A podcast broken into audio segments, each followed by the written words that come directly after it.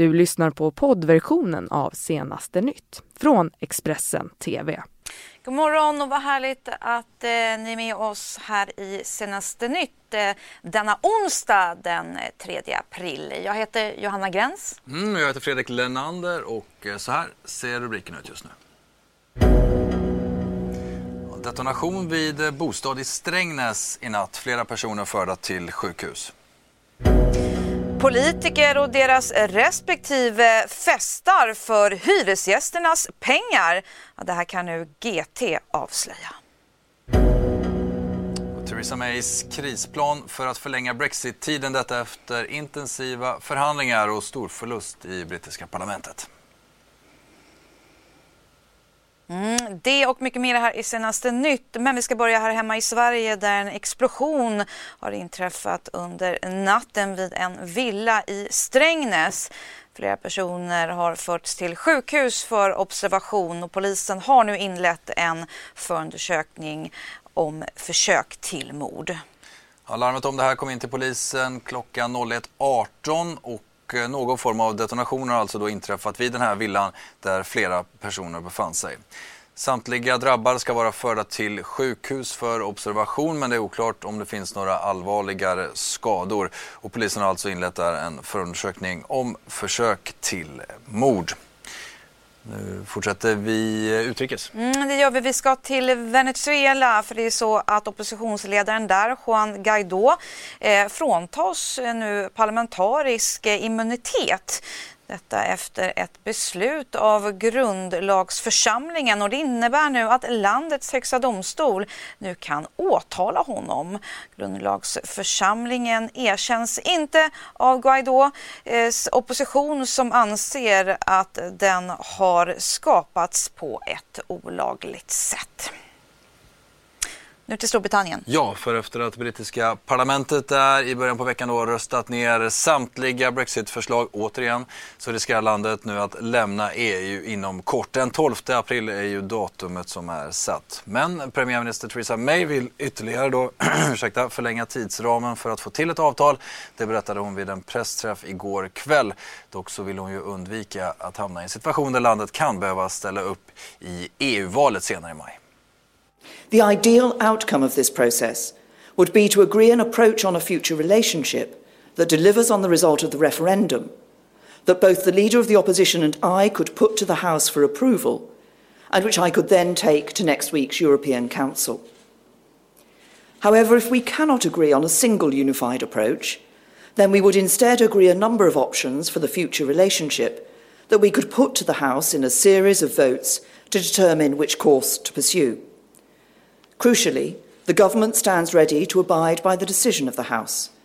But to make this process work, the opposition would need to agree to this too. The government would then bring forward the withdrawal agreement bill. We would want to agree a timetable for this bill to ensure it is passed before the 22nd of May, so that the United Kingdom need not take part in European parliamentary elections. Mm, Theresa May hon öppnade också upp för att samtala med oppositionen för att komma fram till en lösning i Brexitfrågan. Och, eh, så här säger Expressens utrikesredaktör Mats Larsson om vad detta nu skulle innebära. Hon verkar verkligen satsa allt på att försöka få igenom eh, utträdesavtalet i någon form. Men hon riskerar också att styra in i en återvändsgränd som eh, kan tvinga fram en hård Brexit. I så fall möjligen den 22 maj. Vi får ju se, alltså Storbritannien måste ju vända sig till EU. EU har gjort det klart att om inte Storbritannien godkänner utträdesavtalet före den 12 april så blir det en hård Brexit. Eh, om det inte är godkänt så kan de förvisso vända sig till EU och be om mer tid. Men det kritiska är just EU-valet som ju kommer i slutet av maj och där Storbritannien eh, för den 12 april måste ge besked om man ska vara med i valet eller inte. Och som det lät på mig här så har hon fortfarande inga planer på att Storbritannien ska vara med i EU-valet utan hon vill och hoppas att eh, utredningsavtalet ska gå igenom möjligen då efter samtal och kompromisser med Labour. Men att hon behöver lite mer till, till den 22 maj. Problemet är att om nu inte det här lyckas då har EU inget annat val. än att eh, Storbritannien i så fall tvingas lämna EU eh, antagligen den 22 maj om man inte har godkänt avtalet. Ja, det lär bli mer Brexit de kommande dagarna, var så säkra. Men vi fortsätter i USA nu där den amerikanska rapparen Nipsey Hussle har skjutits till döds. Detta utanför en klädbutik i Los Angeles i söndags. Och nu har polisen gripit en person, 29-årig Eric Holder, som misstänkt för det här mordet. Mm. I en skottlossning så skadades då även ytterligare två personer och polisen säger nu att den misstänkte mannen ska haft någon slags dispyt med rapparen men vill inte gå närmare in på det möjliga motivet.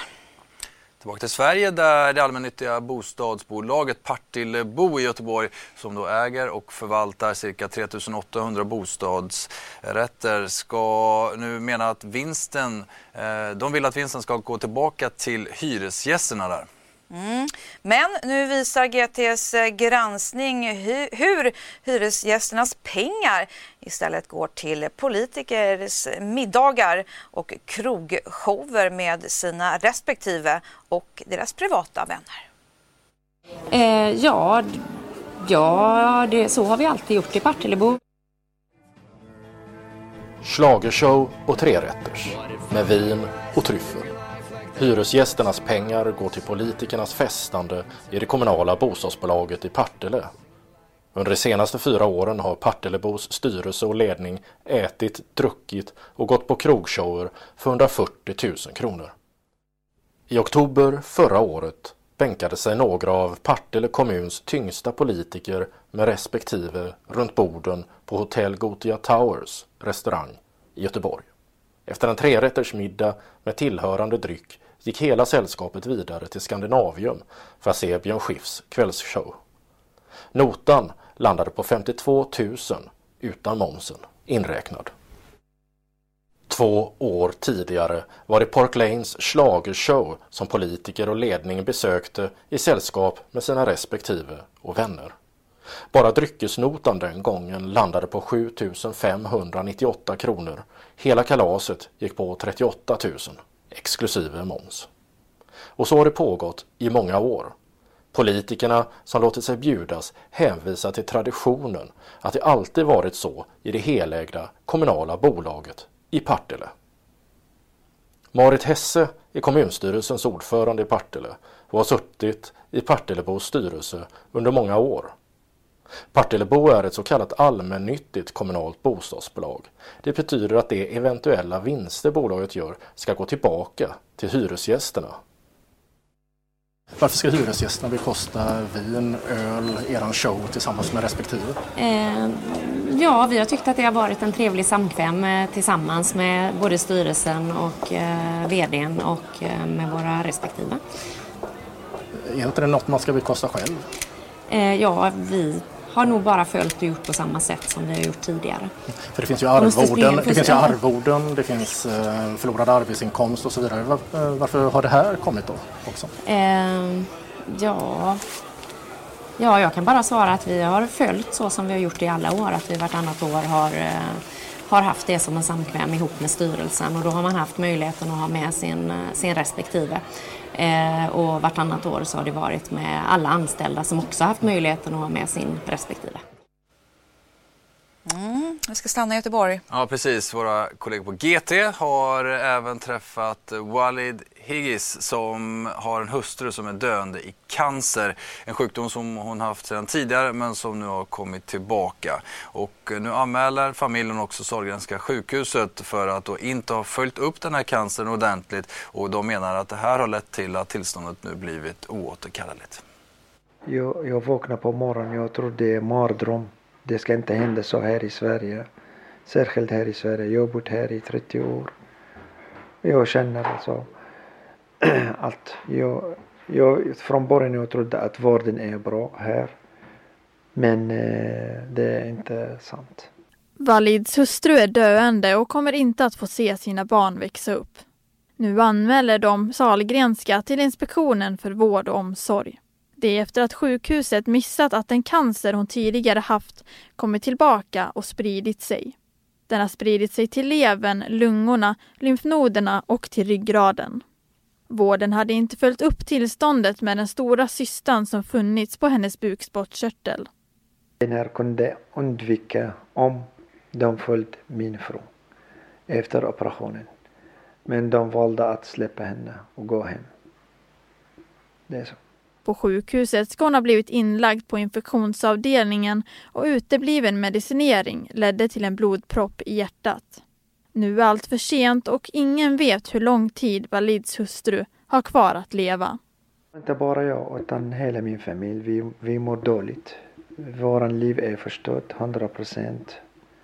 Gick upp och ner. Jag förlorade mitt arbete. Jag kan inte jobba. Min fru hon, hon, eh, hon läste och hon arbetat samtidigt. Allting är borta. Jag har två små barn. En 9 och 30 år gammal och en 12 år gammal. De mår dåligt, psykiskt dåligt. Jag också mår psykiskt dåligt och jag ska söka eh, psykolog. Mm, mer om det här fallet kan du såklart läsa på gt.se men också eh, Expressen.se. Du har lyssnat på poddversionen av Senaste nytt från Expressen TV. Ansvarig utgivare är Thomas Mattsson. Ett poddtips från Podplay.